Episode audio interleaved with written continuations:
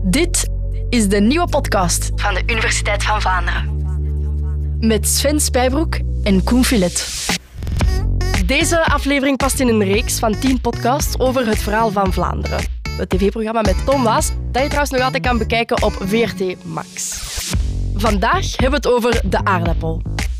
Het verhaal van Vlaanderen, aflevering zoveel, ik weet niet meer welke aflevering het was, maar we zagen boeren op het veld, die waren aardappels aan het eh, oogsten of poten, ik weet het Poten, dat weet ik ook niet Poten meer. of rooien. niet. Rooien, ja, dat weet ik ook Allebei niet. ongetwijfeld. Eh, Dag luisteraar, daarover gaan we het vandaag hebben, de aardappel. Eh, en de vraag is, wat zouden wij zonder de aardappel zijn? Sven, het antwoord is, Bah, dan hadden wij gewoon iets anders. ik denk dat het genuanceerder ligt. Professor Yves Segers, hoogleraar rurale geschiedenis aan de Universiteit van Leuven. Ruraal, dat is van het platteland of van de landbouw? Of? Dat is van het platteland. Van het platteland. En ook van de landbouw. Oké. Want vroeger was het platteland vooral landbouw. En u bent patatkundige, of hoe moet ik dat... Ik ben patatkundige, eh, tot grote vreugde en hilariteit van mijn kinderen. Ja, oké. En professor, wat zouden wij zonder de aardappel zijn? Wij zouden hier misschien niet zijn Serieus? zonder de aardappel. Allee. Ja, toch wel. Wij nu, echt Wij nu letterlijk. op dit moment, met z'n allen. Wat zou er ons overkomen zijn? Wel, de aardappel heeft ons eigenlijk geleid door de grote bevolkingstoename vanaf de tweede helft van de 18e eeuw. Op dat moment zien we dat in, in België, in Vlaanderen, de bevolking heel sterk begint toe te nemen. En dat dus de vraag naar voedsel enorm vergroot. Ah ja. En dan vragen de mensen zich af, ja, wat gaan we eten? Wat valt er te kopen, te rapen op de markten? En dan kwam men eeuwenlang terecht bij allerlei varianten van brood. Voedsel geproduceerd op basis van graan. En dat was gewoon te weinig voorradig op dat moment. En dus ging men kijken naar alternatieven. En men kende de aardappel wel al, maar eigenlijk had men het niet zo voor die aardappel. Wacht, de aardappel, als ik mij goed herinner, is zoals de tomaat en de maïs. Dat is een pro- product dat uit eh, de nieuwe wereld komt. Uit hè? Zuid-Amerika is gekomen? Uit Zuid-Amerika, Ja. Peru, Chili. Eigenlijk een, een onderdeel van, van wat wij in de vakliteratuur noemen de Colombian Exchange. Ja. Met de grote veroveringstochten. Columbus Spanje, gaat naar Columbus. Amerika en die komt met van alles terug. Die komt met van alles terug. En vice versa. Wij gaan ook, of wij, onze voorouders, de Europese Spaanse conquistadores, brengen ook allerlei nieuwigheden is waar. naar de nieuwe wereld. Maar het is nu bijvoorbeeld die aardappel die ons interesseert. In de 16e eeuw is die naar Europa gekomen. Dat is een nieuwigheid. Ja, en die landt dan in Spanje of in Portugal? Die landt in Spanje, Ja. maar ook iets later landt die in Groot-Brittannië. En dan gaat die eigenlijk op reis door Europa en die wordt wat beschouwd als een curiosium. Ja. Een beetje een gekke plant, een exotische plant. Men had toen eigenlijk wel een liefde eh, voor alles wat vreemd was en van ver kwam. Ja. En men begon dat te verzamelen. En in dit geval, aardappelplanten werden bijgehouden, geteeld, gekoesterd. In kloostertuinen, in botanische tuinen. Om, Om wat mee te doen? bij te houden. Nee, Ja, maar niet om op te eten. Niet om op te eten. Eigenlijk vooral, wat ik zeg, als een curiosium. Men vond het ook wel een best mooie plant. Er komen witte bloemetjes op. Ja. En die werd bijgehouden als een ver- onderdeel van een verzameling. Ja, een soort kruidtuin. Kijk eens wat we hier hebben. Een zotte Botanische plant tuin. van de andere Voilà. kant van de wereld. Ja, wetenschappelijke interesse om... En dan is er ergens een rare monnik die op een dag een hongertje heeft en denkt... Misschien moet ik die knollen toch eens opeten? Of hoe? Wel, men wist eigenlijk wel al dat je aardappelen kon eten, want uiteraard in Peru, in Chili, de Azteken, de Maya's, zij aten uiteraard al de aardappel. En wat de Spanjaarden ook wel deden, was aardappelen geven aan gevangenen, aan eigenlijk de bevolking die ze daar onderdrukte. En dat was eigenlijk ook wel een beetje het imago eeuwenlang hier op het Europese continent van de aardappel. Een aardappel was voedsel voor, voor armen Ja. en voor dieren, voor varkens. Oké. En er was ook een heel groot bijgeloof dat rond die aardappel hing. Eh, men dacht dat je daar ziek van kon worden. Ah, Vergeet ook niet, het loof, de bladeren, Ja. zijn giftig. Ah, ja, ja, dat en- is echt, echt ziek. Je van kan er worden. echt ziek en- van en- worden. En als die groen zijn, geloof ik, dat is ook gevaarlijk. Hè? Ze heeft mij als kind altijd Ja, ingeprint. Dat kan je uiteraard. echt, De eh, aardappel zelf nog. Ja, ja, ja. Ja. ja. Ja, En de aardappel zelf, laat ons eerlijk zijn, echt mooi is die niet. Ik zou het niet durven zeggen, maar... Sorry voor de aardappels die zitten te luisteren. Maar ja, ze, en- en mogen het, Eh, misschien- ons- ze ja. mogen het ons vergeven, Ja, nee, want zo- de aardappel van toen is niet meer de aardappel van Ah ja, vandaag. zo een, een friet aardappel van vandaag, dat is redelijk proper en, en met een zacht velletje. Maar verliefd gaan we er niet op worden, Ah, denk nee, nee, ik. Maar hij nee, heeft nee. wel een veel mooier uitzicht dan vroeger. en hoe eh, Als je zag gaat, de midden 18e eeuwse aardappel eruit? Die zag er eigenlijk een beetje nog steeds uit zoals je op een prent van Carolus Clusius, 1588, kan zien.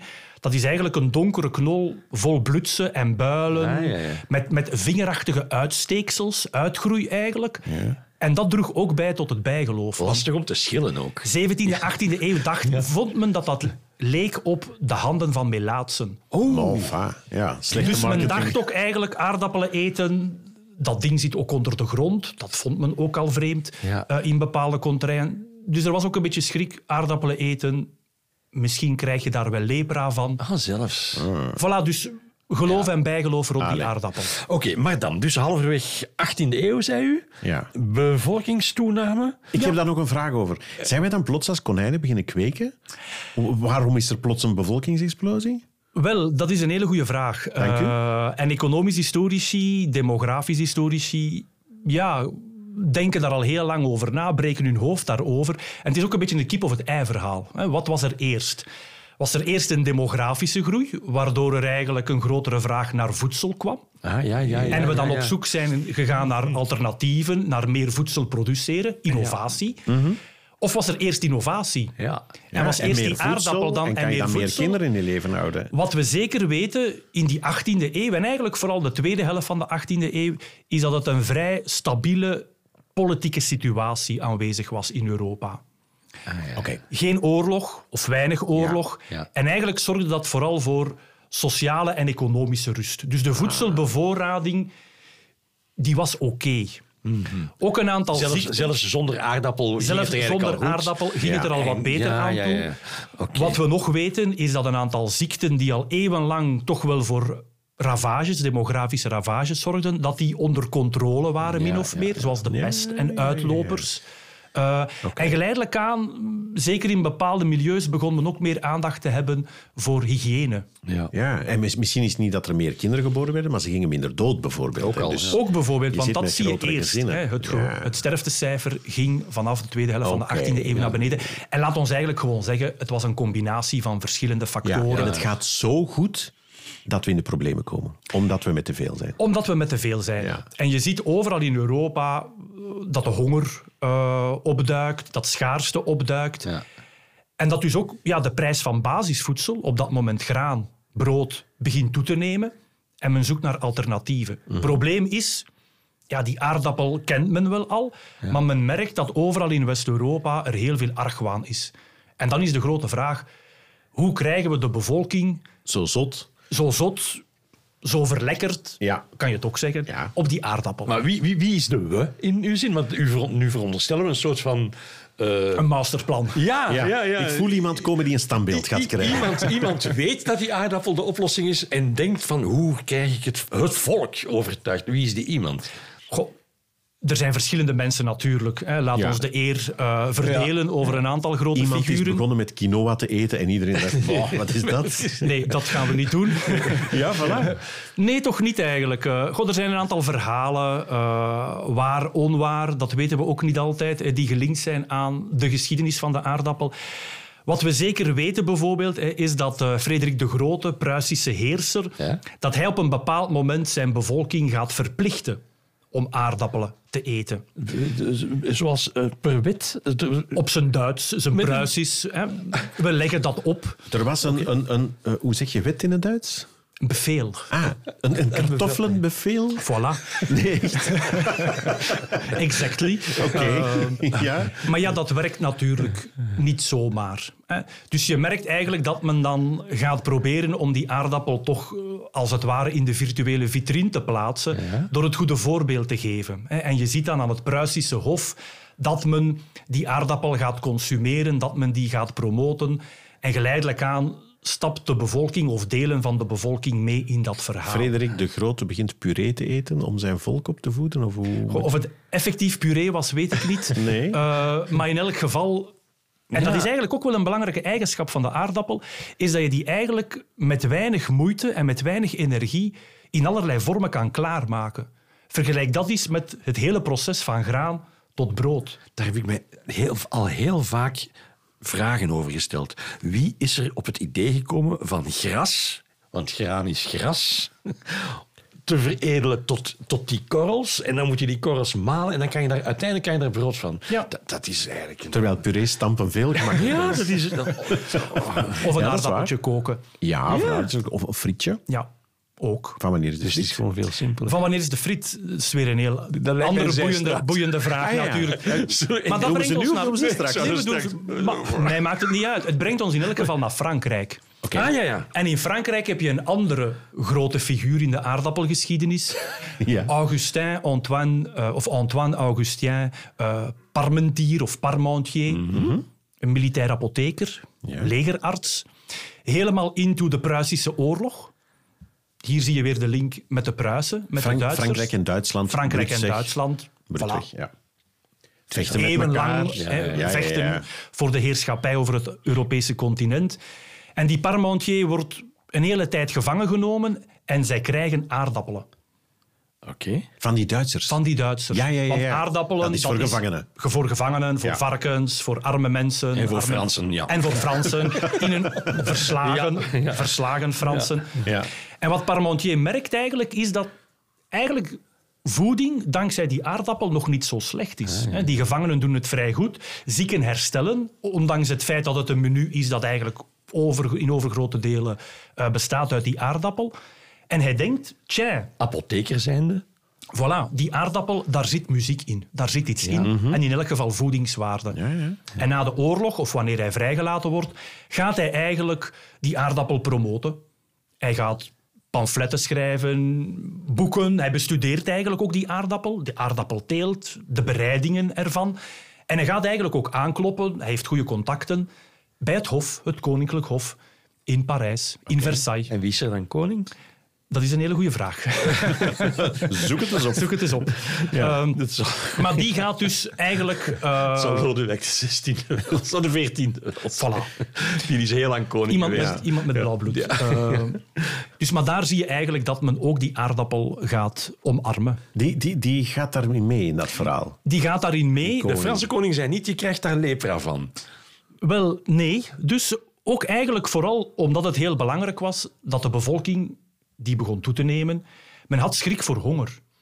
Eigenlijk alle koningen, elke elite heeft schrik voor sociale onrust, voor Ah, Ja, ja, ja. opstand. Broodrellen, dat soort Broodrellen dingen. en dat- Ja, ja, ja. soort zaken. Men Dus heeft je eigenlijk wil schrik een voor zijn oplossing. eigen positie en men wil eigenlijk een Oké, oplossing. manger voor... du puree. Ja. Voilà. En dan kom je bij die aardappel en dan ga je eigenlijk zoeken, of gaat men eigenlijk zoeken, wat zijn de mogelijkheden, Ja, of oké. hoe kan die aardappel verspreid En is het- geraken bij de bevolking. En dat is gelukt. Ja, dan is dat het is gewoon gelukt. aan, de koning eet aardappel, dan willen wij dat ook. Wel, blijkbaar, eh, wat je daarover leest, is dat men mm, koninklijke banketten organiseerde waarin de aardappel een bepaalde rol mocht spelen. Dus een soort van demonstratieve consumptie. Als de koning het lust en de hofelite, dan moet het wel goed zijn. Ja. Blijkbaar was die Parmentier nog een beetje slimmer en, en liet hij in Parijs eh, een aantal akkers vol met aardappelen planten. Liet hij die bewaken door soldaten. En wanneer de nacht viel, trokken die soldaten zich weg of ze knepen hun oogje dicht wanneer burgers die aardappelen wilden stelen. Want men dacht, hmm, koninklijke akkers, soldaten, daar staat iets op. dat zal wel, dat zal wel heel dat zou bijzonder lekker zijn. zijn. Dat moet interessant zijn. We gaan eens kijken. Voilà. Tier. Nu, dat zijn verhalen, dat zijn stories die je leest, die de ronde doen. Ah, die weet niet of het Is dat waar heel veel gebeurd? Is het effectief zo gebeurd? Ja, anders Dat is het weten we gewoon natuurlijk de niet. bakermat van de marketing, als hij dat zo bedacht heeft. Geniaal. Wel, eigenlijk zegt het heel veel over hoe belangrijk voor ons voedsel is eigenlijk. We zijn daar verhalen rond gaan brouwen. We zijn ons ook voedsel en bepaalde gerechten gaan toe-eigenen. Zoals de frieten. Zoals de Ik wou er frieten. niet over beginnen. Het is van ons. Ja. Is het waar, is het niet waar? Eigenlijk maakt dat allemaal niet zoveel uit. Het is dat hele toe-eigeningsproces dat voor een historicus heel interessant is. Waarom wil iemand dat de friet van ons is? Ja. En dus het gevolg van die campagnes, zowel in Duitsland, Frederik de, Gro- de Grote met zijn bevel, als in Frankrijk, die meneer Parmentier, heeft ertoe geleid dat er, dat er werkelijk een soort van revolutie op de, op de tafel gebeurde. De- Onder het meer graan- natuurlijk. Onder meer Ja, ja, natuurlijk. maar die revolutie is er wel gekomen. Die revolutie is er geweest. dergelijke zaken hebben die beweging, hè, die doorbraak van de aardappel en, en de acceptatie bij ruime delen van de bevolking zeker beïnvloed. Maar laat ons ook niet vergeten dat je met een, een, een aanbodgegeven zit en met een prijsgegeven. Hè, op een bepaald moment, wanneer de bevolking heel snel toeneemt, de graan- en de broodgraanproductie niet kan volgen, ja, dan wordt broodgraan wel heel duur. Ah, ja. En dan ga je automatisch kijken naar goedkopere Zijn er alternatieven. Ja. En laat ons ook niet vergeten, de aardappel is misschien wel lelijk. En er hing heel wat bijgeloof rond. Maar de aardappel bood ook heel wat voordelen ten opzichte van de graanteelt. U zei dat straks al, je kan hem op simpele wijze op verschillende manieren klaarmaken.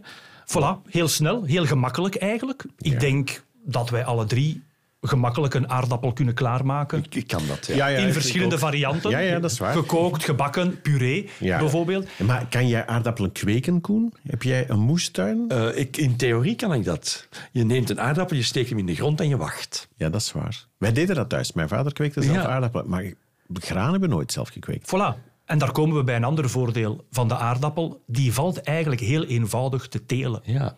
Graan was te moeilijk voor mijn vader. Graan was te moeilijk, maar i- ik ga je vader niet onderschatten natuurlijk. Maar voor graan heb je één al veel meer ruimte nodig, veel meer grond nodig. Oké. Je teelt geen graan in je moestuin, Nee, dat is maar wel nee. aardappelen. En eigenlijk bewijst dat dat je op een relatief kleine oppervlakte je gezin kan voeden met aardappelen. Ah ja, je zou en voor niet elk- met Ja, graan. ja. Je zou voor elk voedingsproduct kunnen uitrekenen hoeveel vierkante meter heb ik ervan nodig. Precies. Voilà. En dat valt voor de aardappel En dat positief valt uit. voor die aardappel best mee. Ah, want daar die komen heeft we wel mee voort, ja. En als mijn vader graan had moeten kweken voor al het brood dat wij in de loop van het jaar Voilà. opaten, dan hadden we een veel grotere tuin moeten hebben. Ja, ja. Schattingen gaan bijvoorbeeld dat je met dezelfde oppervlakte landbouwareaal dankzij aardappelen dubbel zoveel voedingswaarde kan creëren dan met broodgraan. Ja, areaal is een veld, hè. Areaal is een veld, oppervlakte, ares, hectares. Ja.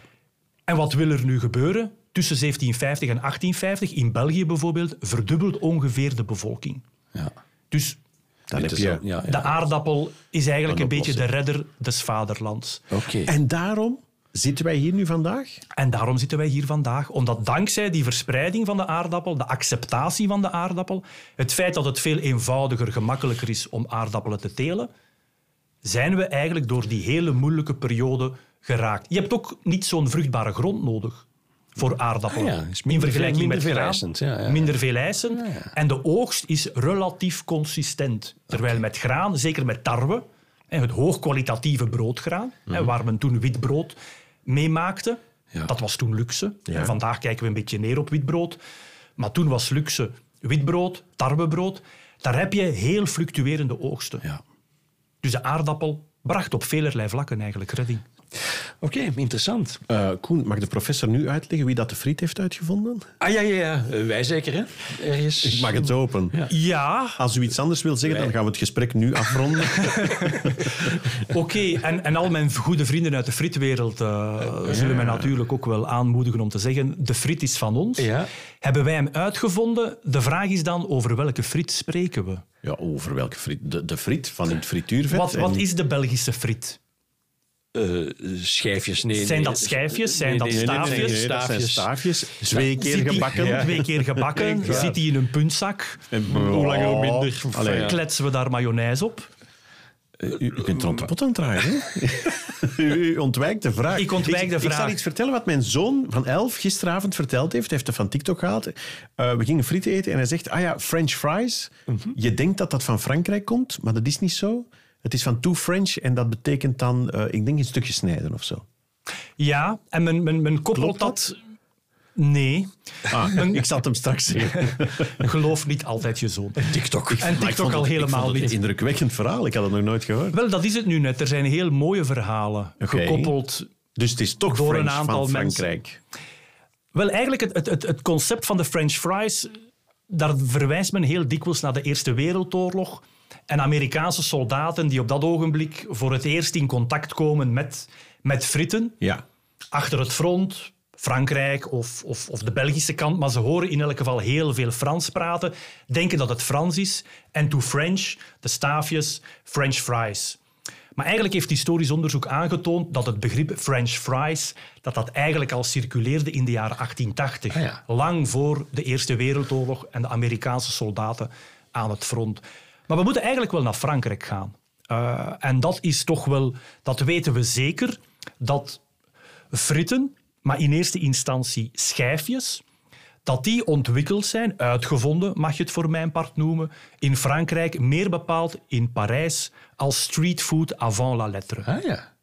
Waar je op hoeken van de straat dikwijls wordt verwezen naar de Pont du Neuf, hè, waar allerlei kraampjes waren geïnstalleerd, dat je daar ziet dat, dat dikwijls vrouwen eh, een kraampje hadden waar ze on the street, hè, lekker Aardappelen vers, in schijfjes sneden? aardappelschijfjes, rauw, een beetje in bloem gedraaid en dan in een heel klein beetje vet bakte eigenlijk. Dus kip of het ei, wat was er eerst? De chips of de frieten? De chips. Je zou het eigenlijk bijna zo kunnen zeggen. Oké. Maar met dat concept was er na verloop van tijd toch wel een probleem. Die schijfjes plakten nogal eens gemakkelijk aan elkaar. Mhm. En dan is men eigenlijk gaan zoeken waarschijnlijk hoe kunnen we dat procedé verbeteren. En is men tot de staafjes gekomen. Niet van de ene dag op de andere, nee, nee, nee. maar je ziet in, in kookboeken en culinaire geschriften 19e eeuw dat die beweging er is. Ja. Maar, bijvoorbeeld kookboeken uit de jaren 1930, daar zie je nog altijd recepten voor fritten à la chips, bij manier van Ah spreken. ja, in schijfjes. In schijfjes. Maar het is dus een Franse uitvinding. Het is een Franse uitvinding in die zin dat je het vooral daar ziet ontstaan. Nu, de afstand tussen Brussel en Parijs, zelfs in de 19e eeuw, is maar een paar uur met de sneltrein. Dat waait over. Ja, sorry, maar in de context van het verhaal van Vlaanderen vind ik dat toch teleurstellend om te ontdekken. Ja, maar we zijn Dat ons, de geleidelijk frieten uit aan, Parijs we komen. zijn ons geleidelijk aan die friet gaan toe-eigenen. Wat Oké. die misschien niet zozeer Vlaams maakt, maar dan toch op zijn minst Belgisch. Belgisch. Wij hebben hem beroemd gemaakt. Voilà. Oké.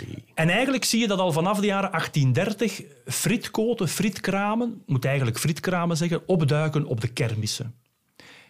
En dan heb je ehm Krieger, een man uit Beieren, die waarschijnlijk in Parijs de, stiel, de culinaire stiel geleerd heeft. En hij zou het frietjes maken meegebracht hebben naar België. En dat was een instant succes op de kermis. Oké, dus het is een Frans-Duits-Belgische uitvinding. Daar kan Voilà. ik eigenlijk, als Belg kan ik daar mee Gewoon leven. Europees. hoor. Ja, het is ja. gewoon Europees eigenlijk. Ik vind het... Hij had meneer Krieger een voornaam? Ja, maar ik Ongetwijfeld. ben hem vergeten. Maar nu, in de commotie ben ik hem vergeten eigenlijk. We zoeken dat wel Ja. eens op. Paul. Frederik, denk ik. eh, Professor Yves Segers. Ja. Super interessant. niet zo goed die namen eigenlijk. Van, maar wel Ko- van goed. Koningen en... eh, Maar wel goed in rurale geschiedenis. Ja, moet toch ik wel zeggen. eigenlijk, hè? Ja, ja, dat is echt interessant. Dank u wel, dank u wel.